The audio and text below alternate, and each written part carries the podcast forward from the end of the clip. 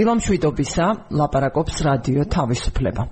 ვიწყებთ გადაცემას დილის საუბრები, რომელსაც გთავაზობთ ყოველ დილით სამუშაო დღეს 10 საათზე რადიო თავისუფლება და დღეს სამშაბათობით რადიო თავისუფლება ახალ ეკონომიკურ სკოლა საქართველოსთან ერთად წარმოგიდგენ დილის საუბრებს ეკონომიკაზე, რომელსაც ვუძღვები მე ნინო გელაშვილი რადიო თავისუფლების ჟურნალისტი, ახალი ეკონომიკური სკოლა საქართველოს ვიცე-პრეზიდენტი და დამფუძნებელ გია ჯანდიერთან ერთად დილომშვიდობისა. მშვიდობის. მივესალმებით ჩვენს სმენელებს. სმენელებს დიახ, სწორედაც დროებით, დროებით არ ვიცი ჯერ ზუსტად რამდენი ხნით, მაგრამ მხოლოდ რადიო ეთერში გავდივართ. დილის საუბრები ვიდეო ფორმატში გარკვეული ხნის შემდეგ დაბრუნდება, ვინც ახლა შემოგვიერთით, გეტყვით რომ რადიო თავისუფლება გაშევიცვალეთ ოფისი და გარკვეული ტექნიკური მიზეზების გამო შეფერხდა დაწყება ჩვენი განახლება ჩვენი ვიდეო მოუწყებლობის. შეგიძლიათ საუბარში მონაწილეობა გადაცემის მსვლელობისას ჩვენო მსმენელებო შეგიძლიათ მოგწეროთ მოკლე ტექსტური შეტყობინება. ნომერზე 59595500055-ზე და ასევე მოსმენა გარდა რადიო ეთერისა, რადიო პალიტრის სიხშირეზე გვისმენთ ახლა 103-ზე, შეგიძლიათ მოგვისმინოთ რადიო თავისუფლების ვებსაიტზე რადიო თავისუფლება წერტილი GE და მარჯვენა ზედაკუთხეში რადიოს უნდა დააჭიროთ, იქ ინახება ასევე ჩანაწერები ჩვენი გადაცემების. რაც შეეხება ჩვენი დღევანდელი გადაცემის თემას, ეს გახლავთ კორუფცია და ეკონომიკური განვითარება. აა ბატონო გია კაცმან უთქვა საარჩევნო საარჩევნო თემატიკას ვეხებით ამითაც ვინაიდან კორუფციაზე მსჯელობა როგორც ხელისუფლების ისე ოპოზიციის მხრიდან როგორც წესი აქტიურდება ხოლმე არჩევნების მოახლოების კვალობაზე და ასე ახლაც. და გუშინ პირველ სხდომაზე თავის პირველ სხდომაზე პრემიერ-მინისტრის რანგში ირაკლი კობახიძემ ერთ-ერთ საკითხად სწორედ ეს გამოყო მან განაცხადა რომ საქართველოს მთავრობა უნდა იყოს მაგალითის მიმცემი ყველასთვის გამჭვირვალობისა და ანგარიშვალდებულების თვალსაზრისით. ჩვენი თითოეული გადაწყვეტილება უნდა იყოს მაქსიმალურად ღია მოქალაქეებისთვის და ამავეს მოვითხოვთ ყველა სხვა სახელმწიფო უწყებისგან. მან აღნიშნა ასევე რომ გვაქვს ძალიან კარგი შედეგები. კორუფციასთან ბრძოლის თვალსაზრისითო. კორუფციის სიმცირის თვალსაზრისით რასაც ძალიან ბევრი საერთაშორისო კვლევაც ადასტურებსო თუმცა ვფიქრობ კიდევ უფრო მაღალი ამბიციები უნდა გქონდეს და უნდა გქონდეს იმის ამბიცია რომ ამ ხრივ ვიყოთ მსოფლიოს მოწინავე ქვეყნებს შორის. რაც არის აბსოლუტურად რეალისტური ამოცანა მთავარია აქტიურად ვიმუშაოთ ამ ყველაფერზე და შემდეგ შეაქო თავისი სამთავრობო გუნდი და დარწმუნებული ვარ მნიშვნელოვან შედეგებს მივაღწევთ. კორუფცია არის ის, რაც რისი სრულად დაძლევაც პრაქტიკულად წარმოუდგენელია მე ობიექტურ მიზეზთა გამო და მაგრამ ეს არის ის, რაც ძალიან აზიანებს სახელმწიფოს, აზიანებს ეკონომიკას და აზიანებს ცხადე ადამიანის ცხოვრებას. თუმცა მნიშვნელოვანი არის ალბათ ამ პრობლემის და გამოწვევის გაგება სრულად კომპლექსურად საერთაშორისო გამჭვირვალობის საიტზე კორუფცია ეს გახლავთ საერთაშორისო ორგანიზაცია რომელიც კორუფციის წინააღმდეგ იბრძვის სწორედაც იცით მას აქვს წარმომადგენლობები ოფისები სხვადასხვა ქვეყანაში. მათ შორის ვიცნობთ აქტიურ ორგანიზაციას და მოვიშველიებთ მის ინფორმაციას ჩვენ საუბარში დღეს საერთაშორისო გამჭვირვალობა საქართველოს რომელიც პერიოდულად აქვეყნებს კორუფციის სავარაუდო კორუფციის ფაქტებს იქნება ეს მაღალი დონის კორუფცია თუ აგერ რამდენიმე დღის წინ იყო ადგილობრივ დონეზე კორუფციის შემთხვევებზე ლაპარაკი ასეულობით მილიონ ლარზე არის აქ ლაპარაკი საერთაშორისო გამჭვირვალობის საიტზე ასეა განმარტებული კორუფცია. კორუფცია არის მინიჭებული ძალაუფლების ბოროტად გამოყენება პირადი მოგებისთვის. და დარწმუნებული ვარ ბატონ გიას ექნება აქ ამ განმარტების ნაწილშიც მათ შორის დასამატებელი. ხო, პირველ რიგში მე გავიხსენებ ერთ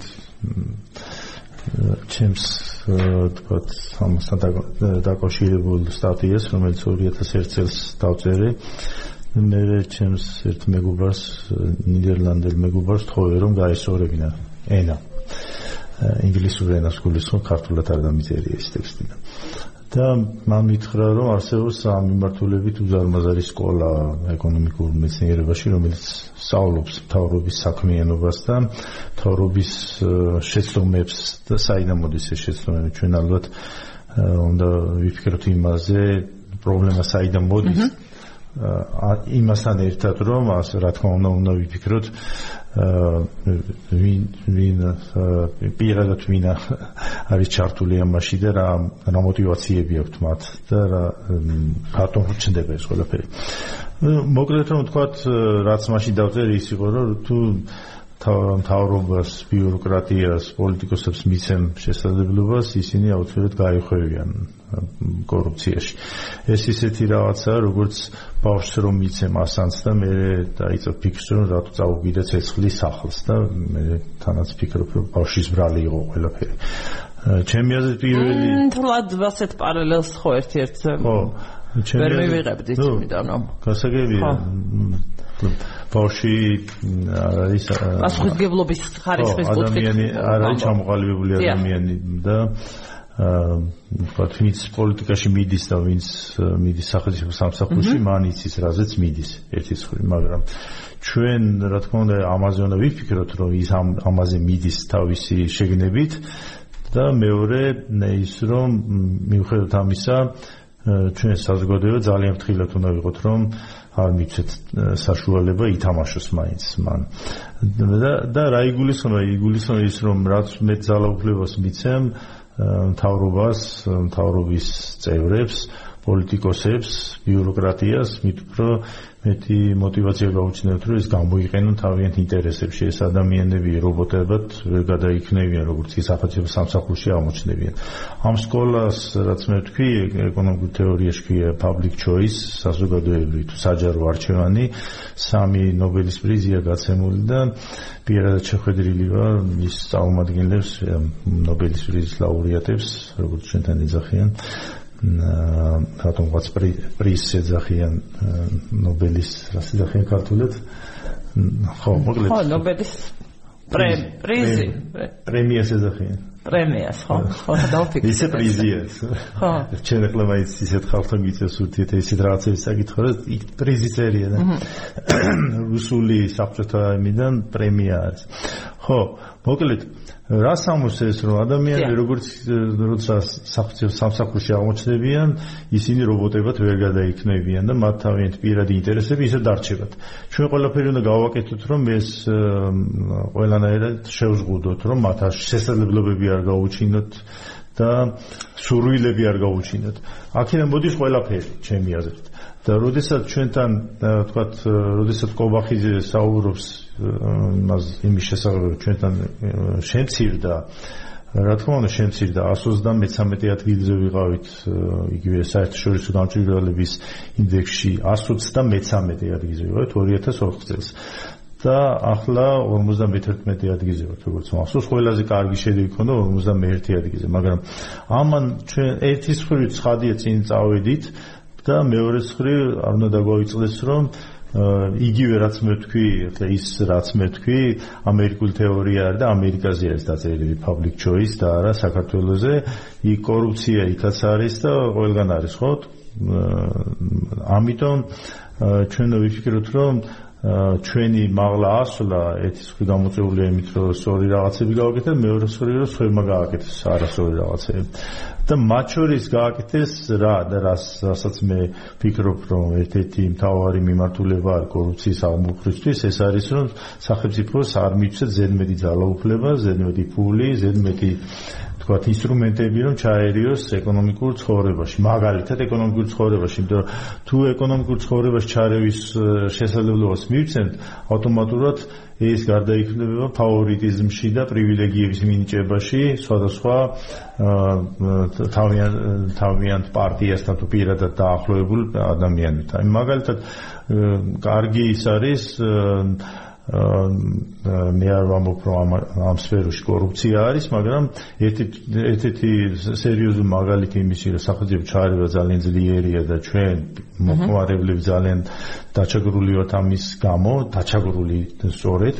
ეს არის კომუნიკაციების სფერო, სადაც სახელმწიფო აქტიურად არის ჩარეული, ამას აქვს თავის ისტორია, რატო ჩაერია თავის დროზე უსაფრთხოების საკითხების გამო იყო ყველა ჩათვალა რა აუცილებელი იყო სახელმწიფოს ჩარევა კომუნიკაციების სფეროში, დღეს ციფრულ ციფრულ სამყაროში ამისი არანაირი საჭიროება არ არსებობს, მაგრამ ჩვენ ხედავთ რომ არსებობს კომუნიკაციების მარეგულირებელი რაღაც კომისია, რომელიც რას არეგულირებს გარდა იმისი რომ გაყიდოს ლიცენზიები რაზე გაყიდოს ლიცენზია რომ მაგალითად 5G კომუნიკაციის უფლება ვის ექნება. ეს რას ნიშნავს ეს 5G-ის 100 მილიონიანი ლიცენზია ვინ უნდა გადაიხადოს, უნდა გადაიხადოს მოხმარებელმა, ხო? მე იმიტომ რომ ფაში საბოლოოდ, ხო? საბოლოოდ მოხმარებელმა გადაიხადოს, გადაიხადოს და რას ემსახურება ეს ლიცენზია აბსოლუტურად არავისთვის არ არის გასაგები. მაგრამ გვაქვს ეს, ხო? და ასეთი ბევრი რაღაცა არის, რომელსაც სახელმწიფო მე ჩაერევა და მე ჩვენ გავართ და აუ რა ჩაიდინა ცეცხლი მოუგინა. ხო და ამის კითხვა მინდა სწორედ. ჩვენ ჯერ ერთი მინდა სმენელს ჩვენსაც უთხრა რომ ჩვენ ლაპარაკობთ პრემიერ-მინისტრის სიტყვებით დავიწყე და ჩვენ ვლაპარაკობთ მთავრობაზე, რომლის ოფიციალურ საიტზე ეს ერთი ერთი დეტალია მხოლოდ, მაგრამ ძალიან მნიშვნელოვანი, რომლის ოფიციალურ საიტზე თითქმის მესამე წელია აღარ ქვეყნდება მთავრობის განკარგულებები. როცა მას აქვს ეს ვალდებულება, რომ ეს გააკეთოს პროაქტიულად. და ჩამონათვალი არის დადგენილებას 2013 წლის სამთავრობის დადგენილებას ახლავს ნუსხა იმ საქმიანობისა და იმ აქტების ნუსხა, რომელიც პროაქტიულად უნდა გამოქვეყნდეს, ასევე და უწერია თითოეულს რა სიხშირით ევალება? უფრო ხშირადაც შეუძლია ცხადია მაგრამ მინიმუმ რა სიხშირით უნდა გააკეთოს ეს და ამ ჩამონათვალში მათ შორის არის მაგალითად სახელმწიფო შესყიდვების წლიური გეგმა. არის მაგალითად ადმინისტრაციული ორგანოს მიერ სახელმწიფო შესყიდვების წლიური გეგმის ფარგლებში განხორციელებული შესყიდვების შესახებ ინფორმაცია მიმწოდებლის შესყიდვის ობიექტის შესყიდვის საშუალების ხელშეკრულების ღირებულების და გადარიცხული თანხების მითითებით. ასევე ინფორმაცია სახელმწიფო ქონების გასხვისების და სარგებლობაში გადაცემის შესახებ და რეკლამის განთავსებაზე გაწეული ხარჯები და ასე შემდეგ. რაც არ კეთდება და რაც არის ყველაზე მარტივი რომ დაფიქრდეს ადამიანი, უბრალოდ უნდა აიღო და გამოაჩინოს ინფორმაცია, რომელიც გაქვს შენახული და რომელსაც აი რამდენჯერმე და რომ ლაპარაკობთ რომ შეუდექით ლაპარაკს ბატონგია თქვენ აი პირველ მრავლობით პირში ლაპარაკობთ თუ მის მივცემთ შესაძლებლობას რომ არ უნდა მივცეთ ამის შესაძლებლობა და რომ მოქალაქეები ჩაგრებიან არ მხოლოდ მოქალაქეები ქვეყანაში მყოფი სხვა ადამიანები ამ თვალსაზრისით მაგრამ აა სმენელი ფიქრობს ახლა ჩვენ ვინ რას გვეკითხება და როგორც წესი, როცა კორუფციასთან ბრძოლაზე არის ლაპარაკი, ამის მატერიალიზება თორე განხორციელება არის ხოლმე რიგ შემთხვევაში ზოგიერთ სხვადასხვა დონის როგორც წესი უფრო დაბალი დონის დაბალი რგოლის საჯარო მოხელების თქვათ მოქალაქეებს ამორჩეულებს თუ დაანახებ რომ აი ეს ადამიანი ამ ამ ამ ადამიანს პასუხი აგებინეს და კონკრეტულ პირს ხედავს. უწინ გვახსოვს ეს დაჭერები ხო ესეთი რაღაცა ტელევიზიით გადაიცემოდა და ასე შემდეგ. მაგრამ მხოლოდ ეს არ არის სინამდვილეში და ეს საერთოდაც არ არის საკმარისი კი ყველამ დანაშაულს ვინც ჩაიდენს პასუხი უნდა აგოს. კანონის მიხედვით მაგრამ ამის შემდეგ გრძელდება ცხოვრება და ის კონკრეტული ეპიზოდია რაღაც, ხო? ერთი ეპიზოდი, ორი, 100 გნებავთ. მაგრამ რა შეიძლება სისტემას, რა შეუძლია მოქალაქეს? ვინ მეკითხება ახლა ფიქრობს მოქალაქე? ბატონო, სწორია. რა შესაძლებლობას მივცემ თავრობას და არ სწორია და მე მივაბავდი ამას მაგალითად იმას, რაც ჩვენს თავს ხდებოდა შაშანამ დროს, რომ პოლიტიკოსები, მთავრობის წევრები გამალებით საუბრობდნენ იმაზე, რომ ჩვენ უნდა ვიყოთ მოქალაქეები, გამჭვირვალეები და ჩვენ გაერთიანებები უნდა იყოს გამჭვირვალეები, იმდროს როდესაც ყველაფერი საწინააღმდეგოდ არის, ჩვენგან არ მოითხოვება არანაირი გამჭვირვალება, ჩვენ ვართ მოქალაქეები და მოითხოვება რუსულ კანონს გულისხმობთ. და პირიქით სახელმწიფოსაგან მოითხოვება გამჭვირვალება და იმ დროს როდესაც ეს ადამიანები ჩვენზე ჭორაობდნენ, ასე ვთქვათ, რომ ჩვენ გამჭირვალები არა ვართ. და უნდა ითქვას ერთი ფაქტი, სხვათაშორის რაც ვთქვათ, მოსახლეობისთვის ცნობილი არ არის, ვისაც გრანტის გრანტთან არ ქონია საქმე, მან ალბათ არ იცის ეს, მაგრამ ახლა ვეტყვი იმის შესახებ, რომ ნებისმიერი გრანტი, რომელსაც ნებისმიერი არასამთავრობო ორგანიზაცია მიიღებს, გრანტად შეიძლება მხოლოდ მაშინ და მხოლოდ მაშინ იქნას ჩაითვალოს. ჩაითვალოს ასე ვთქვათ. თუ მას ფინანსთა სამინისტრო მიცემს ამაზე დასტურს რომ ეს შეიძლება ჩაითვალოს გრანტად სხვა შემთხვევაში ეს გრანტი არ არის. ან ან გრანტის გამცემი უნდა იყოს აღიარებული პირი საქართველოს კანონმდებლობით რომ მაგალითად სოღროსის ფონდი აღიარებული პირია რომ ის გრანტებს გასცემს და თუ გაქვს ასეთი ორგანიზაცია შენ წინასწარ უნდა კონდეს ამაზე განცხადებული გრანტებს იძლევი და ნებისმიერი ფული რომელსაც იძლევი ის არის გრანტი. ასე რომ ნებისმიერი რაღაცა სახელმწიფოს გავლით ხდება მაინც. ნებისმიერი გრანტის გამოყოფა არის სახელმწიფოს ასე ვთქვათ აღრიცხვაზე ყოველ შემთხვევაში. და მოწმდება ასევე ასეთი ორგანიზაციები სახელმწიფოსგან. მეორე მხრივ, მეორე მხრივ, ხო, ყველა დიდ ორგანიზაციებს ყველაზე სკრუპულოზური აუდიტი utardeba ყოველწლიურად, უნდა ითქვას, ყველა ყველა კაპიკზე utardeba და ყველაზე ცნობილი აუდიტორი კომპანიები utardeben სოფლიოს 4-ში შემავალი აუდიტორი კომპანიები უტარებენ როგორც წესი აუდიტს ამ ორგანიზაციებს. ისე რომ ეს ყველაფერი ყუილებია, მაგრამ მეორე მხარე არის რომ სახელმწიფო არის ზუსტადაც თავრობა და მისი წევრები ყველა სახელმწიფო მოხელე არის ვალდე ანგარიშვალდებული ადამიანების მიმართ. ეს ჩვენ ფულს ხარჯავთ მათზე, ჩვენ დაუდგინეთ მათ საქმიანობის ნორმები, ყველაფერი და შესაბამისად რაღაც ჩვენ რახან ჩვენ ფულს ხარჯავენ ისინი, უნდა მიეჩვენ იმას, რომ ჩვენ ფულს და ჩვენ რესურსებს თუ იყენებენ, უნდა იყვნენ აბსოლუტურად გამჭირვალე და აბსოლუტურად ეს ეს დაკავშირებული ხუშტურებთან არ არის დაკავშირებული, იმის თქმა მინდა, ეს კი ვიღაც ხუშტური კი არ არის, ვიღაცამ სადღაც დაწერა, რომ ასეა საჭირო და ეს არამედ იმის გამო სწორედაც რომ ჩვენი გადასახადის გადამხდელების ფულს ხარჯავენ და ჩვენი ქვეყნის რესურსებს იყენებენ ეს ადამიანები. ამის გამო არის ვალდებულება რომ ისინი იყვნენ გამჭვირვალეები და ეს მოვლენები რა თქვენ თქვით რომ თვეების მანძილზე თუ წლების მანძილზე მთავრობა არ გასცემდა ინფორმაციას ეს არის აბსოლუტურად სახელმწიფოს გრევის მიმართულებით გადადგმული ნაბიჯები. სახელმწიფო თუ ვინდა კონდეს უნდა იყოს აგებული ანგარიშვალდებულებაზე. ადამიანების წინაშე ანგარიშვალდებულება. სხვა შემთხვევაში ეს სახელმწიფო აღარ არის. ეს არის რაღაცა სტრუქტურა რომელიც ამბობს რომ მე უფროსი ვარ თქვენ სულელები როგორც რუსულად იტყვია იანაჩალნიკ დიდურაკ ინგლისურადაც თარგმნე i am the boss and you are the fool ხო აი ეს არის მოდელი რომ მე ახლა ფულებს ხარჯავ რაღაცეებში და მე აღმოჩნდება ფული არ მაქვს თავარი რაღაცეებისთვის და მე კითხულობ რატო არ დაჩა ამ თავრობას ფული ნეტა იმისთვის? იმიტომ რომ დახარჯა სისულელეებში. რა გაცნობთ ანგარიშვალდებულებას როცა ვახსენებთ ანგარის შვალდებულება ეს არ არის ახლა თანდაყოლილი როგორც თქვა განცდა ადამიანის და ცნობიერი და ისა როდესაც ადამიანი ხელისუფლებაში და ძალაუფლება აქვს ის რომ ხელისუფლებაში მყოფი პირი მთლიანად მთავრობა ნებისმიერი უწყება რომელიც სახელმწიფო ბიუჯეტით არის უზრუნველყოფილი ის რომ ის გრძნობდეს ანგარის შვალდებულებას ამას გარკვეული პირობები სჭირდება. აა სჭირდება ის რომ საზოგადოების სხვადასხვა რგოლი იყოს აქტიური. მაგრამ ეს აშკარად არასაკმარისია საქართველოს მსგავს ქვეყანაში ჩვენ ვიცით ცალკეული არასამთავრობო ორგანიზაციების აქტიურობა, რაც არის არის ძალიან მნიშვნელოვანი, მათ შორის სხვათა შორის აი იმ პროაქტიულად გამოსაქვეყნებელი ინფორმაციის გამოთხოვის კუთხით, იქ სასამართლოსთვის მიმართვა შემდეგ და ასე შემდეგ, უამრავი რესურსი ხარჯება იმაში, რაც თავისთავად იგულისხმება და უნდა კეთდებოდეს, მაგრამ ეს არ არის საკმარისი და ამას არ ეყოფა რამდენიმე არასამთავრობო ორგანიზაციის აქტიურობა. რა რა მექანიზმს ხედავთ? რატომ უნდა ვიყო ანგარიშვალდებული? მე ვარ მე მაქვს ძალაუფლება ამ ძალაუფლების გამო. სულაც ტრადიციულად ჩვენთან ასე სულაც კონკრეტული პირის მიმართ გრძნობ ვალდებულებას და ანგარიშვალდებულებასაც მათ შორის.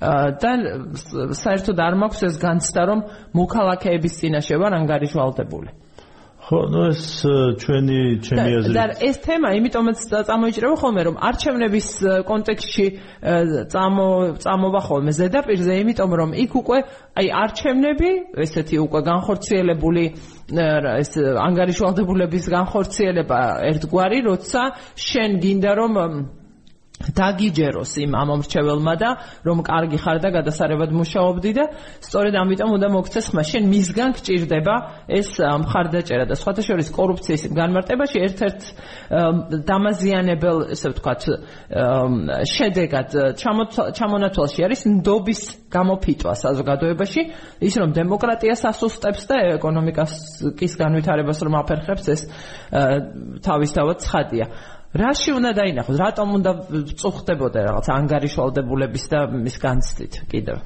მე ისე რომ ძილი თავის ტკივილი მაქვს საბაგდროში ჩვენ თქვათ როდესაც ვედრებით მაგალითად იგივე ევროპას, ევროპაში არსებობს ქვეყნები, რომელსაც ეს ანგარიშვალდებულების ტრადიცია საუკუნეები აქვს.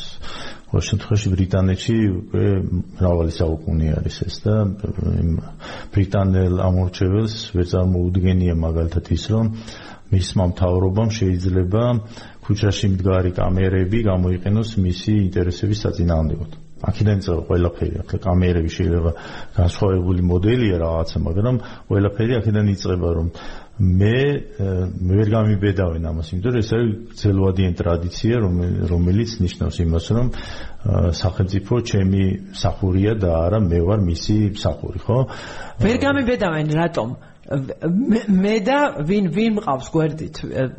ისა მოქალაქეების იმედი მაქვს რა თქმა უნდა ჩვენ დავიმსახურეთ ის რომ თქვათ ინგლისელი ასე ფიქრობს რომ ჩვენ ვერ გავგიბედავენ იმიტომ რომ წლების მანძილზე ჩვენ ვაიძულეთ პოლიტიკოსები რომ მათ იფიქრონ რომ ასე არის ყველაფერი.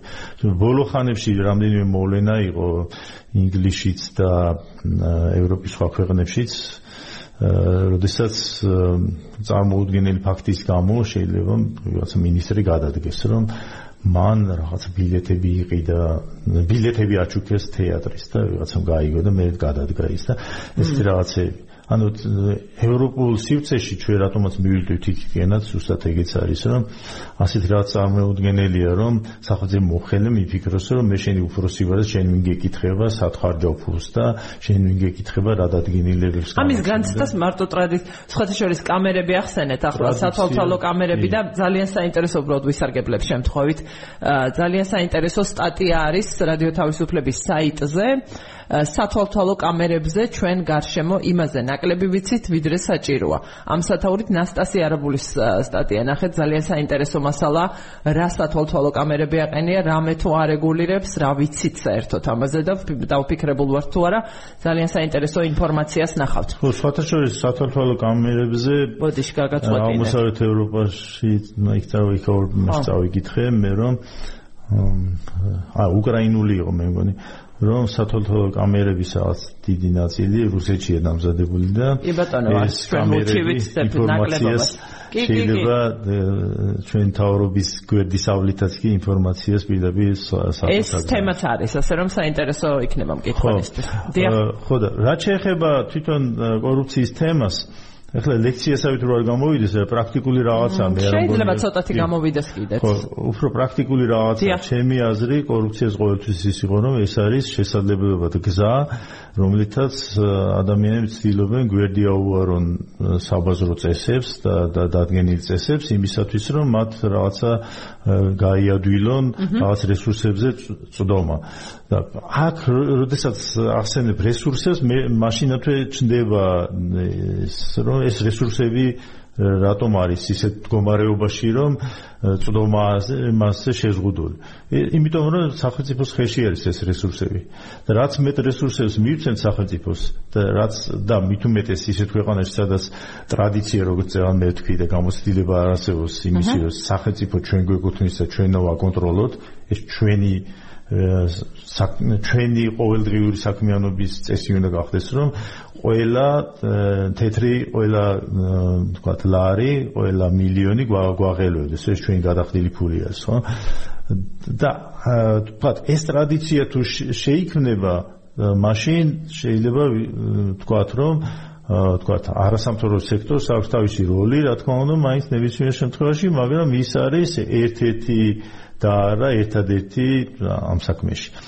ხო, რაც შეეხება სახელმწიფოს თქვა რესურსებს, ჩვენ არაერთხელ ვისაუბრები შესაძლოა სახელმწიფოს უზარმაზარი ჯერჯერობით უზარმაზარი ოდენობით აქვს საკუთრება თავის ხელში, რაც პირდაპირ არის შესაძლებლობა თქვა კორუფციისთვის, იმიტომ რომ ახლა მე უნდა თქვა რომ ხშირად არ მიცდია, მაგრამ როცა მიცდია ვერ მიმიღწევი იმისთვის რომ რაღაცა მიწა მეყიდა მაგალითად იმიტომ რომ სახელმწიფოსგან ანუ გულის ხო სახელმწიფოსგან. იმიტომ რომ რაღაც ინფორმაცია არც თუ ისე ადვილია მოიპო არც თუ ისე ადვილია რომ თქვათ მართლა მიხვიდე მაგამდე. და ძალიან სერიოზული ცდელობა უნდა იმას რომ რაღაცა შეიძინო ხო და რატომ? იმიტომ რომ სახელმწიფოს ხელში არის. და მე სახელმწიფოს ყოველთვის რჩება ასეთი თქვა გამრყნელი ის რომ მე რო დამჭირდეს ეს მიწა მე რა ვქნა? ამიტომ არ არ გავასხვისებ ამას კერძო სექტორში არ გადავიდან ამას ბევრი რაღაცა შეიძლება უარყოფითი კონდეს რომ ეს რესურსები მოცდენილია მაგალითად და თავის საქმეს არ აკეთებს. არა მარტო მიწა. არამედ ხო არის კიდევ უძრავი შენობებიც და ყველაფერი ხო? დიახ. ამის გარდა, ამის გარდა არის უზარმაზარი საბიუჯეტო რესურსები, რომელიც სახელმწიფოს ხელში უჭიროს. და არა მარტო საბიუჯეტო რესურსები, ეს არის კიდევ არა, თქვათ, მატერიალური რესურსებიც, რომელიც შეიძლება იყოს, რაც მე თქვი მაგალითად, რომ ლიცენზიებს გასცემს სახელმწიფო სხვადასხვა საქმიანობისთვის. და ჩვენ ყოველთვის შეიძლება ამას ემოციურად უყუროთ მაგალითად რომ რა თქმა უნდა რაღაც საქმიანობა უნდა გაკონტროლდეს მაგალითად ჯანდაცვის სფეროში. და ასე უყურებთ რომ აი იქ სადღაც კარგ ქვეყნებში გაკონტროლებული არის. და ამ შემთხვევაში ჩვენ არ უნდა დაგვაიწდეს ისევ და ისევ უნდა დაუბრუნდეთ რომ გვაქვს ჩვენ ისეთი გამოცდილება ტრადიცია იმისი რომ ყოველდღიურად გავიღიძოთ იმ აზრით რომ რატომ დახარჯა სახელმწიფო მთავრობამ ეს ფული ისე და არა სხვანაირად. გაბიღვიძე ამაზრით და რა ვქნა თქო ვკითხულობ. ერთი წუთი ინფორმაციას ვიტყვი, უბრალოდ თუ კი დაგაინტერესებთ ეს თემა, საერთაშორისო გამჭვირვალობა საქართველოს რამდენიმე დღის წინ გამოაქვეყნა კორუფციის რუკა რეგიონებში მზარდი კორუფციული ფაქტები და მათ რეაგირების პრობლემა, ასეთი სათაურით არის ტექსტი და ასევე ახლავს ინფორმაცია იმის თაობაზე, რომ რიგმა კომპანიებმა მათ აქვთ კორუფციის სავარაუდო შემთხვევებს უწოდებენ, რადგან ცხადია ეს არ არის გამოძიებული სრულფასოვნად და ასეც უნდა ეწოდოს. თანამდებობის პირებთან და ბიძინა ივანიშვილთან დაკავშირებული კომპანიები მსხვილ კონტრაქტებს იღებენ სახელმწიფო შემსყიდველებისგან და ამ დოკუმენტში თავმოყრილია ის საეჭვო ტენდერები და გამარტივებული შესყიდვები, რომლებსაც გამჭვირვალობა იკვლევდა სხვადასხვა დროს და შესაბამის სახელმწიფო სტრუქტურებს ოფიციალურად მიმართავდა რეაგირებისთვის. ამ სავარაუდო კორუფციის ფაქტებზე. ლაპარაკი არის ბოლო 10 წელიწადში, ნოგია 2 მილიარდ 150 მილიონ ლარზე. ეს ვერ იქნება 100%-იანი სრული ინფორმაცია, ეს არის კონკრეტული არასამთავრობო ორგანიზაციის მიერ მოკვლეული ინფორმაცია. მაგალითად, რეგიონების მიხედვით არის აჭარაში 736 მილიონ ნახევარ თითქმის ლარზე და თითოეულ ეპიზოდს ახლავს აღწერა პირების ასე ვთქვათ, დასახელებული არიან პირები კონკრეტული, მათი კავშირები, ნათესაური იქნება თუ სხვაგვარი, თუ პოლიტიკური კონკრეტულ საქმესთან. სამცხე-ჯავახეთი 409 მილიონ ლარზე მეტზე ალაპარაკი ბოლო 10 წელიწადში გულისხმობ. შიდა ქართლი 353 მილიონ ლარზე მეტი, კახეთი 421 მილიონ ლარზე მეტი, იმერეთი 121 თითქმის 122 მილიონი ლარის ასე ვთქვათ საქმეებია ჩამოწერილი და ეპიზოდები სამეგრელოზე მოსვანეთი 96 მილიონი ლარი და ასე შემდეგ და ასე შემდეგ ვისაც გაინტერესებს შეგიძლია დეტალურად გაეცნოთ. ამას და იგივე საერთაშორისო გამჭვირვალობა ცოტა ხნის წინ გასული წლის ბოლოს ასევე არამხოლოდ მაგრამ უბრალოდ ბოლოები რაც არის წერდა მაღალი დონის კორუფციის სავარაუდო შემთხვევების განახლებადი სიადადო ეს სია დევს და კიდევ და კიდევ ემატება მას ამბავი. ასევე რეკლამის დრო გვაქვს უკაცრავად რეკლამას გამოვცხადებ და მე გავაგრძელებ რადიო პალიტრის ეთერში არის რეკლამის დრო, რამდენიმე წუთში დაგიბრუნდებით, ვებსაიტზე კი უწყვეტად გრძელდება ჩვენი საუბარი. ასევე ორგანიზაცია ინფორმაციის თავისუფლების განვითარების ინსტიტუტი, რომელიც ხოთა შორის არის ძალიან აქტიური და საკვანძო არასამთავრობო ორგანიზაცია, სწორედ ღია მართლობის კუთხით და ამ ნაწილში საქართველოს საერთაშორისო პლატფორმაში მონაწილეობის კუთხითაც, რომლითაც შორის რამდენიმე დღის წინ თავი მოიწონა თავის ბლოგში საქართველოს პარლამენტის სპიკერმა და სწორედ IDF-i წერს იმას, რომ საჯარო ინფორმაციის ხელმისაწვდომობა არის მკვეთრად გაუარესებული. და ამის თაობაზე არაერთი ინფორმაციას ნახავთ და ეს ორგანიზაცია თვითონ არის ძალიან აქტიური, სწორედაც იმავე სასამართლოების სასამართლოებ სასამართლომდეც ხშირად მიყავს საქმე, ძალიან ბევრს მუშაობს ამისთვის კონკრეტული ინფორმაციის საჯარო ინფორმაციის მისაღებად. აა აი ბანოგია შეკითხვა დავიწყე გავიღვიძე ამ განცდით რომ მეც მე მოქალაქეს მეკისრება პასუხისმგებლობა და აღშფოთებული ვარ ამით. ყოველდღიით ვიღვიძებ და რა რა გავაკეთო ოღონდაც? რა რა ზეგავლენის მოხდენა შემიძლია ну ახლა ერთი ადამიანის ზეგავლენა ცხადია რომ ხო მესმის საგანგებოდ დავყრე ასე შეკითხვა რა თქმა უნდა და ну უნდა ითქვას რომ დემოკრატიას აქვს ეგ სისუსტე რომ ერთი ადამიანის თქვა სურვილები როგორც არ უნდა კარგი იყოს ასე ადვილი არ არის რომ უმრავლესობის სურვილი გახდეს და შესაძლებლო გახდეს მართლა შეიცვალოს ყველაფერი ხო? თუმცა ჩვენ მქონდა რამდენიმე ეპიზოდი როდესაც დიდი ცვლილებები მოხდა. ეს იყო 1990 წელს 92 წელს 95 წელს მე 2003 წელს 2012 წელს ხო? ადამიანები რომლებიც თქვა თვლიდნენ რომ უკვე რო იყო რა სერიოზული ცვლილებების ამ ნაბიჯზე მიდიოდნენ არჩევნების გზით ხო მაგრამ მეორე მეორე მხარე არის რომ მაგრამ ადამიანებმა იცით რა დაინახეს? კიდევ ბატონოგია რომ აი ეს როგორ უწოდებენ ხოლმე ყველაზე მსხვილი ღლავები კორუფციის ესეთი ფიგურები აი იმ დროინდელი მოყოლებულები დღესაც ზედაპირზე არიან და მშვენივრად გრძნობენ თავს. ესეც დაინახეს ხო ეს მიუხედავად ამ ბრახაბრუხის და დიდი ხმაურის იმას რასაც მე ვამოვდი რომ უშინაც გამოგიგზავნეს PJ ორუკის გამოთქმა რომ თუ სახელმწიფო წვეთს სად რა უნდა გაიყიდოს და რა უნდა იყიდონ, მაშინ პირველში ყველაზე საშური ამოცანა არის სახელმწიფო იყიდო. სახელმწიფო იყიდო.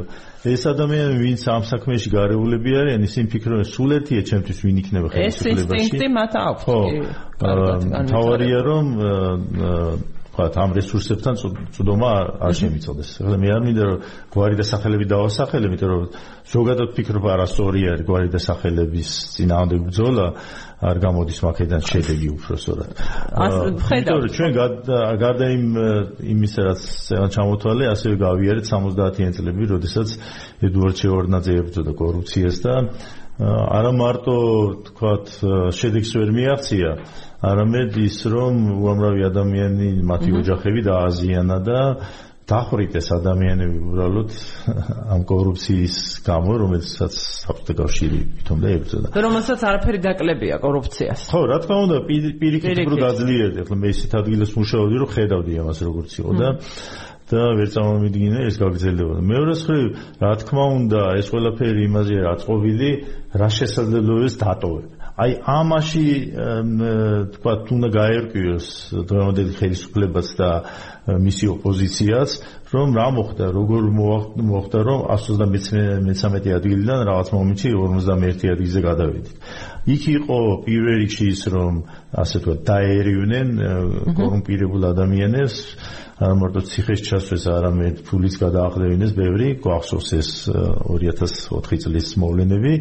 და მეორე იყო რომ მაგალითად ხელფასები გაუზარდეს ძალიან ძალიან ბევრჯერ გაუზარდეს ხელფასები თავრობის თანამშრომლებს, ხო, სახელმწიფო მოხელეებს და მე ვიხსენებ რომ მე სადაც მუშაობდი რეფორმებამდე ასე ვთქვათ მას იქ სადაც მე მუშაობდი დღეს იქ არის ალბათ სადაც 20 ჯერ უფრო მაღალი ხელფასი ვიდრე მე მქონა. ხო და მესამე მესამე პუნქტი რაც თავარია და ჩემი აზრით რამაც ყველაზე დიდი გავლენა მოახდინა ეს იყო და რასაც მე მოუწოდებ მაგალითად და თქვათ კარგია თუ რეკლამის მერე მოისმეს ხალხი უფრო მეტად ამას. ეს არის რაც კახაბენდუკიძემ გააკეთა წაიკითხა ჩვენი კანონმდებლობები და აღმოაჩინა უამრავი რადიო ეთერში დიახ უამრავი კახაბენდუკიძე წაიკითხა პრაქტიკულად მთელი ჩვენი კანონმდებლობა და დაიწყო იქიდან კორუფციის საშიში თქვათ თქვათ სხვადასხვა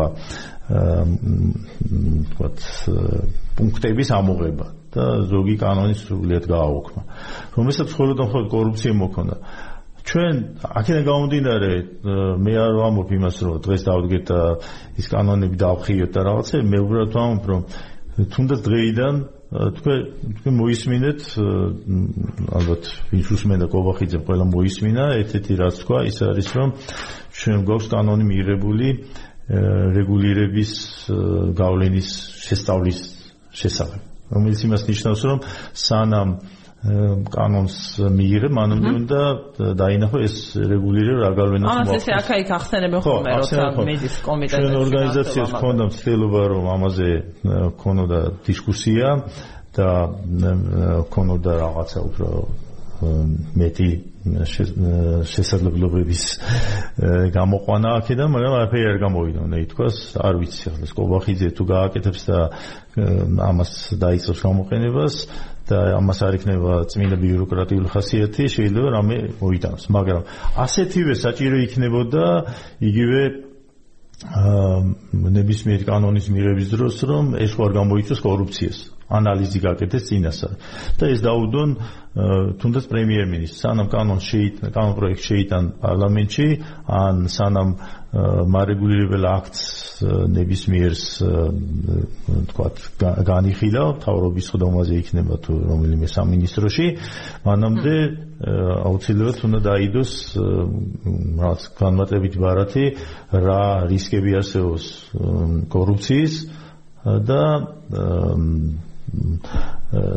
თქვათ რა რით შეიძლება ამისი გვერდისავლა ან თქვათ ხო არა რით შეიძლება მაგალითად მოხდეს თუნდაც ამ რეგულირებელი აქტების გვერდისავლა და თქვათ მისი გამოყენება პირადი ინტერესებისთვის, პრივილეგიებისთვის თუ ასე შემდეგ. აი ეს ანუ გია, რამდენიმე 2 2-3 წუთის წინ დაუბრუნდით რადიო პალიტრის ეთერში, ვინც ახლა შემოგვიერთით, გეტყვით რომ რადიო თავისუფლების დილის საუბრებს უსმენთ და სამშაბათობით რადიო თავისუფლება ახალ ეკონომიკურ სკოლა საქართველოსთან ერთად წარმოგიდგენთ რუბრიკას დილის საუბრები ეკონომიკაზე. ამ ორგანიზაციის ვიცე-პრეზიდენტ გია ჯანდიერთან ერთად უძღვები ამ გადაცემას რადიო თავისუფლების ჟურნალისტი ნინო გელაშვილი გაშვილი და შეგიძლიათ შემოხმიანება ჩვენთან მოკლე ტექსტური შეტყობინებებით თქვენი მოსაზრებების გაზიარება თუ შეკითხვების დასმა. ნომერზე 595950055 595950055-ზე და ასევე გეტყვით რომ შეგიძლიათ გამოიყენოთ დილის საუბრების Facebook-ის გვერდი ანონსის ქვეშ სივრცე თქვენი კომენტარებისთვის. აქ მესმის რომ იქ ნაკლებად ინტერესდებით ვინაიდან ვიდეო ფორმატი არ აქვს ჩვენს გადაცემას დროებით მაგრამ ამისთვის კომუნიკაციისთვის გამოყენება შეგიძლიათ და მოხერხებული იქნებოდა დავინახავდი უცებ. ასევე ისევე როგორც ვუყურებ ტელეფონს.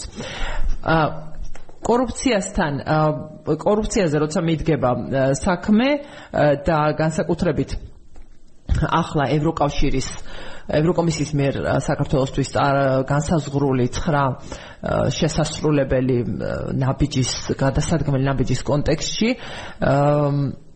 წამოიჭრება ხოლმე მსჯელობა მიმდინარეობს მათ შორის და ხშირად უწყებაზე, უწყებაზე, კორუფციასთან, კორუფციის წინააღმდეგ ბრძოლის უწყებაზე, მის არასრულფასოვნებაზე, არასათანადო დამოუკიდებლობაზე, იმაზე, რომ არ აქვს ძალიან მნიშვნელოვანი ფუნქციები, რითაც ის შეებრძოლებოდა კორუფციას და რომ არ არის საკმარისად დამოუკიდებელი იმავე მთავრობის და პრემიერ-მინისტრისგან და ასე შემდეგ.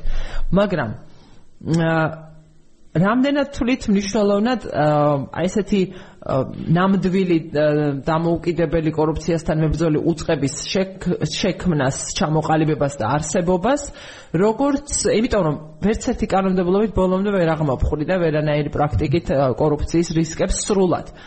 რამდენად მნიშვნელოვნად თვლით რეალურად აი ამ დასჯის შიშს რომ ადამიანმა იცოდეს რომ ის თუ კი ჩაიდენს კორუფციულ დანაშაულს, თუ კი ამაზე წავა, თქვა საჯარო მოხელე თუ არის, აუცილებლად მიწუდებიან რაღაც ეტაპზე, აი თქვა კონკრეტული უწყება და აუცილებლად დაისჯება. ხო, ეს რა თქმა უნდა მნიშვნელოვანი საკითხი არის.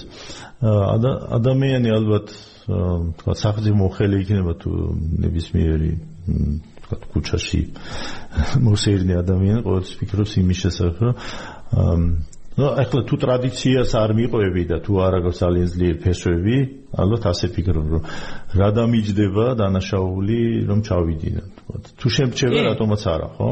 კი. ეს თუ ტრადიცია გავს, რაც მე ძალიან რაც ტრადიციული მას არ ჩათვალონ, რომ ტრადიცია მიმართა პანაცეა. ტრადიციონალისტი ხარ, ხო?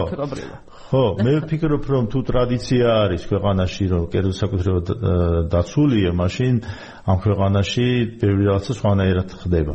და თქვათ ინგლისს როდესაც ვახსენებდით ინგლისში კერძო საკუთრების დაცულობა 8 საუკუნის ისტორია აქვს თუ მეტი არა. და ამით მაქედან წამოვიდა ბევრი რაღაც ბევრი ინსტიტუციური ცვლილება მაქედან წამოვიდა რომ ადამიანები როდესაც კერძო საკუთრება აქვს უფრო დამოუკიდებელი არიან და ასე შემდეგ. ეს ლექცია რო არ გავაგრძელოთ მე იმის თქმა მინდა რომ თუ ჩვენ გვექნება რაღაცა სტრუქტურა ეს არ მგონია რომ ძალიან სწრაფად გადაჭრის ყველა პრობლემას. მე ასე მგონია. იმიტომ რომ ჩვენ გვაქვს სტრუქტურები მაგალითად პროკურატურა პროკურატურას არ ეხება თქვა კორუფციასთან ბრძოლა უშიშროების სასამართლო გვაქვს რომელსაც ცალკე განყოფილება აქვს ალბათ არ ვიცი მე. ხო და რომელიც კორუფციას ებრძვის მაგრამ დამოუკიდებელი ინსტიტუტი რას უნდა ნიშნავდეს? ეგეც ჩემთვის ცოტა რთული გასაგები არის. ინსტიტუციური თვალსაზრისით არანაირად არ ვეხები იმას ვინ რას რეკომენდაციებს გვაძლევს მე არ ვიცი რა რეკომენდაციებზეა საუბარი ზოგადად. მაგრამ ინსტიტუციური თვალსაზრისით დამოუკიდებელი რას უნდა ნიშნავს ეს წარმოუდგენელი რაღაცაც კი არის ხანდახან ამბობენ რომ მაგალითად ესა და ეს დაწესებული უნდა იყოს დამოუკიდებელი და რანაირად უნდა იყოს.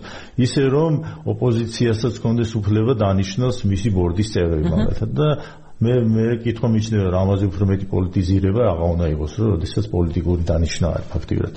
ამიტომ მე ეგ ცოტა რთული საკითხია ჩვენ გამოდის ყველაზე თავი და თავი აღჯეროს იმისი რომ ჩვენი საარჩევნო სისტემა მუშაობს ისე რომ სორ არჩევანს ვაკეთებთ. იმიტომ თუ ჩვენ სორ არჩევანს ვაკეთებთ მაშინ გვაქვს სტრუქტურები, რომელიც ამით ამით უნდა იყოს დაკავებული, პროკურატურა თუ უშიშროება თუ სხვა სამსახურები, ხო? ფინანსური პოლიცია მე მგონი არ გაუქმებიათ და არსებობს კიდე ეროვნულ ბანკში არის როგორც მე ვიცი ფულის გათეთრების საწინააღმდეგო სტრუქტურა და უამრავი მაკონტროლებელი სტრუქტურა არსებობს. გამოიწვია ისინი თავის საქმეს არაკეთებენ და კიდევ ჭირდება დამატებით. ეს საბჭოთა კავშირმაც გაიარა უამრავი მაკონტროლებელი ორგანიზაცია. დობას რომელიც გამოიწვია მოიპოვებდა. ხო, აი ეს ნდობა როგორ უნდა მოიპოვოს, სხვა საკითხი მე არ ვიცი. როგორ უნდა მოიპოვოს ეგ. ნებისმიერ შემთხვევაში თავრობა რასაც იტყვის რომ ეს იქნება, მე იტყვია რომ არა, მაგას არ ვენდობით, იმიტომ რომ ამიტომ.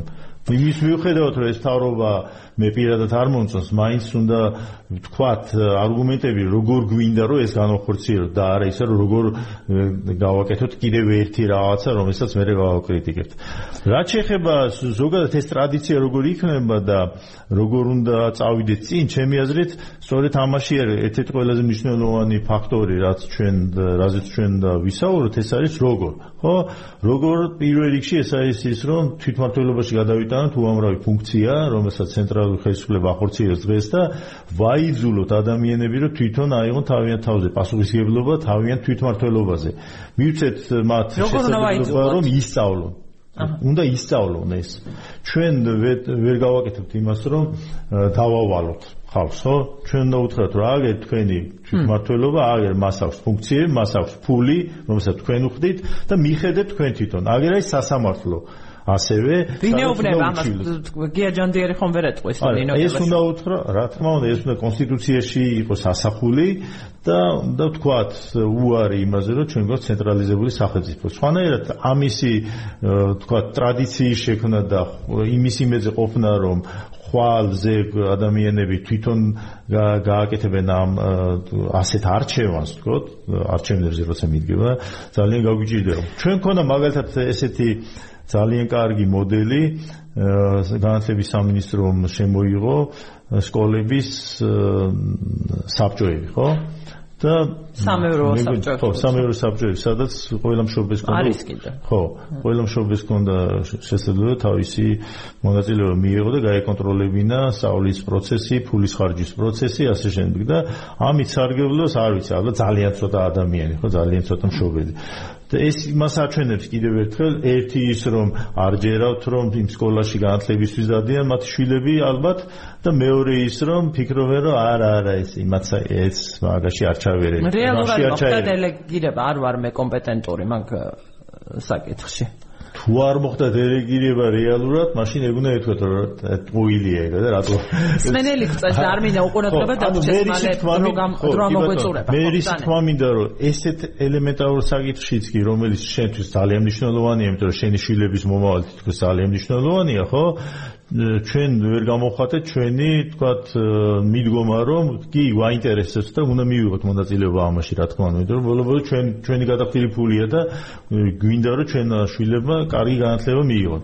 ასეთ სტრუქტურა ასეთ ურთიერთობაშიც კი ძალიან არაეფექტიანი აღმოჩნდით ამიტომ ბევრი რამე აქვს ჩვენს ქართულ ამორჩეველს სასწაული მანამდე სანამ მიხვდება რომ ხმას როდესაც აძლევს ამასაც აძლევს ხმას რომ თავრობა მეરે გადამალოს რესურსები მისგან. აი მაგაზე ვეღარ მოვასწრებთ ალბათ მაგრამ მაინც მე ორი სიტყვით შევეხოთ. მსმენელი გვწერს ერთი გამარჯობა. ვინმეს თუ შეჯერა რომ ახალი ცოცხი უკეთ გაარკვევს კორუფციაზე ნეტარ არიან მორწმუნენი და ასევე მეორე მსმენელი ამის მეათედი მხილება არ მომხდარა შევარდნაძის ხელისუფლების თავის დროზე, მაგრამ მაშინ რევოლუციამ იფეთქა. ახლა თითქოს ხალხი თვლემს და კონფორმისტი გახდა ყველაფრისადმი. მე ვეთანხმები რომ თვლემის რაღაც ელემენტი არსებობს, ხადია ორი მინიმუმ ორი რაღაც არსებობს. ერთი რომ არსებობს შესაძლებლობა წახვიდე უცხოეთში და ამიტომ ახალგაზრდები ფიქრობენ რომ თუ აქ არ შეიცვლება მე ასე ფიქრობ რომ ასეთი დამოკიდებულება თუ არ შეიცვლება მაშინ დავკრო ფეხსა წავალ უცხოეთში. და მეორე ეს არის გადმორიცხვევი ასე ვთქვათ ფულადი გზავნილები რომელსაც მათი ნათესავები უგზავნიან ახლა როდესაც ადამიანს მისი შვილი უგზავნის ფულს და ასე მას აქვს რაღაც შემწეობა ან პენსია ან დახმარება მთავრობისაგან მას ნაკლებ мотиваცია აქვს ხადია რომ დაფიქრდეს რომ რა ხდება ჩემს გარშემო. ეს მე არ მომხრა შეუნდა შეწყვიტონ გადარიცხვები და დახმარება თავისი ნათესავის მაგრამ ფაქტია რომ იმის გამო რომ მათი თქვათ ცხოვრება რაღაცა დონეზე უზრუნველყოფილია მათ ნაკლები სანერვიულო და თანაც არ ფიქრობენ რომ სახელმწიფო მათთვის ძალიან მნიშვნელოვანია. ჩვენ ვისაუბრეთ ერთხელ იმის შესახებ, რომ როგორი უნდა იყოს საგასახადო სისტემა და ესეც ძალიან მნიშვნელოვანი საკითხი არის, რომ საგასახადო სისტემა დღევანდელი ისეთია, რომ ჩვენ ამ მომრჩევლებს პრაქტიკულად мотиваცია არ აქვთ, რომ დაინტერესდნენ, როგორი არის ეს. რომ მათი უმრავლესობა გადასახადებს ისე იხდის, საერთოდ ვერ იგებს. დრო იხდის. და ხო. ხო. და მეორეს ფიქრობს საერთოდ არ იხდის არსებობს ხალხი რომელიც ფიქრობს საერთოდ რა შეინტერესებს თუ ეს ავტომატურად ხდება და არც არავინ მეკითხება გადავეხადო თუ არა? ხო ნუ არ ვიცი და მგონია სხვა იხდის ამაში არის საქმე. ამიტომ თუ მე არ ვიხდი რატომ უნდა ნერვიულობდე თავრობა შვის გადახდილ ფულს რატო როგორ ხარჯავს ხო? თუმცა მან შეიძლება იყოს ერთი ელემენტი რომ აი ვიღაცამ ჩვენი ქონება გამოიყენა უკანონოდ აა აა ჩვენი ქონება ხო მაშინ შეიძლება მასე ვინერიულო კიდევაც. მაგრამ ჩემი როა ამას რაღაც ჩემი როა იცი ვიცი რა გამიჩენს ხო. ჩემი როა საიდან ვიცი ხო? მაშინ უნდა მეკითხებოდნენ ამიტომ ეს ეს იმასთან არის დაკავშირებული ეს უნდა იყოს თვითმართველობასთან თვითმართველობაში თუ გადავა მთელი ქონება და არ იქნება ცენტრალური ხელისუფლების განსაკარგავი ქონება. მაშინ სიტუაცია ყისიერად ამ ამას ხას გაუსვამ ისიერად შეიძლება ქვეყანაში თუ სახელმწიფო ქონება წავა პრივატიზაციაში და თუ ამ ცენტრალურ ხელისუფლებას არანაირი ქონება აღარ დარჩება საკუთრებაში და რაც დარჩება სახელმწიფო საკუთრებაში ის იქნება მუნიციპალურ საკუთრებაში, მაშინ სიტუაცია ყისიერად შეიძლება ცენტრალურ ხელისუფლებას. რატომ ფიქრობთ რომ შეიძლება? იმიტომ რომ ეს იქნება უკვე ახლოს. ახლოს იქნება მე ამორჩეველი ვარ ადგილობრივ დონეზე და ყველაფერს ვამჩნევ. დამშობა გვერდზე ჩემი მეზობელი იქნება ხელისუფლების ადგილობრივი წარმომადგენელი ის არ მკითხავს არაფერს. კი, მაგრამ ის ჩემი ჩემ გვერდზე არის აგე სოფელში.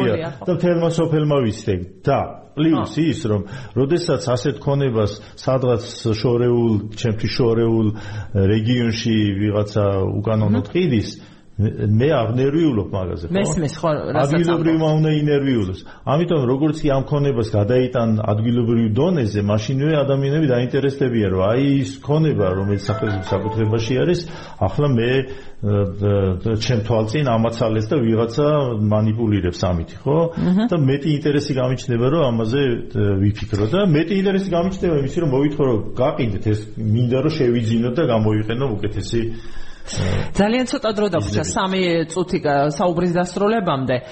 და ისევ მინდა დავუბრუნდე ერთი რომ ის პერიოდი რაც გაიხსენეთ თქვენ ახაბენ დუკიძე ახსენეთ და ეს მიდგომები მისი და ასე შემდეგ.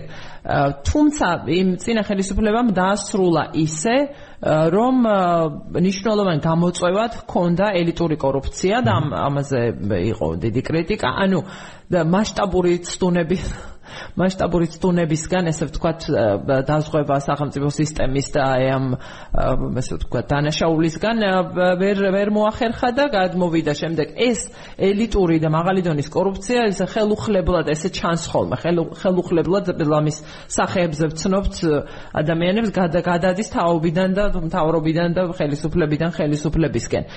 წინასარჩევნო პერიოდია მართალია ოფიციალურად არ არის ესე ვთქვათ ოფიციალური ჯერის წინასარჩევნო კამპანია რასაც თქვია, მაგრამ ამ კონტექსტში ვართ და რა იქნებოდა? აი ორ წუთს გაძლევთ თქვენი რჩება ჩვენ დაუბრუნდებით ამ თემას ცხადია კიდევ შემდეგ გადაცემებში. ამორჩევლისთვის რჩება როცა მას ელაპარაკება პოლიტიკოსი ოპოზიციონერი იქნება თუ ხელისუფლების წარმომადგენელი კორუფციასთან ბრძოლაზე. რას უნდა მიაქციოს ყურადღება ისევ და ისევ მე მიაქცევი მათ ყურადღებას იმაზე რომ მათ საკუთარ რესურსებზეა საუბარი მათ შორის ფულად რესურსებზე, მათ შორის ქონებაზე, რომელიც მათ თვალწინ დაწილდება იმის გარეშე, რომ მათ შეეკითხონ მათი მოსაზრება, როგორ უნდა ნაწილდებოდეს ეს ქონება. პირველ რიგში ეს საკითხია, რა თქმა უნდა. და მე ყველა თქვა პოლიტიკურ პარტიას დაუსვამდი კითხვას, რომ ეს როგორ შეიცვლება მართლა შეიძლება თუ შენ აპირებ იგივე გააგზელო, იმიტომ რომ ჩვენ ვერ ხედავთ სამწუხაროდ რომ ოპოზიცია უფრო ჩამოყალიბებულია ამაში. ის ვთქვათ ოპოზიციის ერთი ნაწილი ამობს რომ მე თვითონ ვიყავ ხელისუფლებაში, როცა კორუფცია შემცირდა და მართალია ახლა როგორც არ უნდა დამალო ნაციონალურ მოძრაობამ კორუფცია ვერა შემცირდა. თუმცა საუბარია ცხადია იმაზე რომ მცირე კორუფცია შემცირდა, რომელიც ახლაც არ არის ახლა ძალიან გავრცელებული ვთქვათ ყოველ ყოველდღიურ ცხოვრებაში ჩვენ კორუფციას არ ვეხებით, ანუ მეხთა მეუღას არ ვეხებით. შეიძლება ჩვენ არ ვიცით, მაგრამ ვიღაცა ეხება, მაგრამ ესეც ალბათ უახლოეს ხანებში გამოჟღავნდება. და მეორე არის რომ ელიტური კორუფცია მაშინ უბრალოდ ბრალდებების საკითხი იყო და მე არ მინახავს კონკრეტული ვთქვათ რეალური ბრალდებები რომ ვიღაცას დაბრალდა მაგალითად ერთი ვიცით რომ იმას მერაბიშვილს დააბრალეს რომ რაღაც სახლს იყენებდა რომელიც მის საკუთრება არ იყო და რა თქმა უნდა უკანონო იყო ის ეს არ არის თლად ელიტური ხო დაუბრუნდეთ ამ თემასაც დრო აღარ გვაქვს ელიტური კორუფცია რა თქმა უნდა უფრო მასშტაბურია ვიდრე ელიტური კორუფცია არის იმ რესურსების რაზეც ხელი მიუწვდება ხელისუფლებაში მყოფ ძალას იმ რესურსების სწორედად საკუთარი ინტერესებისთვის გამოყენება და ამაზე უარს რომ არ ამბობენ და ამის კონტროლის ბერკეტი რომ არ არსებობს. ეფექტიანი და გამოძიებაც რო არ არის აგედაზე თქვენ ბრძანეთ და არ იყო ფაქტია. მაგ მიმართულებით ახლა ვიღაცის შეხედულებებით. მაგ მიმართულებით მაგალითად წინა ხელისუფლებამ გააკეთა ელექტრონული სისტემა სახელმწიფო შესყიდვების რომელიც ხო და მიწას აბერ ვყიდ რატო ვერ ყიდულობთ მიწას მიჭირსო? ამ შეკითხვით დავასრულებ. სახელმწიფოსგან მიუხედავად იმისა რომ არის ეს სისტემა ანუ ვაკუნა შეუწყო და შემდეგ გამოიტანოს თავრობამ და გამოიტანოს თვითონ ეს ეს თვითონ და გამოიტანოს გასაყიდია და ანუ ან უნდა მოძებნო რომ აი გასაყიდია და თავარი შევა მაინც ალბათ ის იქნება მრჩევლისთვის რომ მას ამ ამ ფილტრით მოусმინოს პოლიტიკოსებს მას რა უფლებას და მას როგორ გაუნაწილებენ ძალაუფლებას მოქალაქეს და მე ვიტყოდი იმას რომ უნდა გადავაგდო ჩვენი აზროვნებიდან ის საბჭოთა საბჭოთა რუსული მოდელი. იანაჩალნიკ დიდურაკ ანუ მე უფროსი ვარ შენ სულელი მოქალაქე არის თავრობა არ არის ჩვენი უფროსი. აი ზუსტად. თავრობის უფროსი. დიდი მადლობა გია ჯანდიერი ახალი ეკონომიკური სკოლა საქართველოს ვიცე-პრეზიდენტი თანაწამყვანი დილის საუბრებისა ეკონომიკაზე რადიო თავისუფლების ჟურნალისტი ვარ ნინო გელაშვილი და დღეს ამით დავასრულეთ ეთერი. ერთი კვირით გემშვიდობებით ამ რუბრიკით. მე კი ხვალ დაგიბრუნდებით დილის საუბრებში რონდელის სოფლიო რადარით ვუკა პეტრიაშვილთან ერთად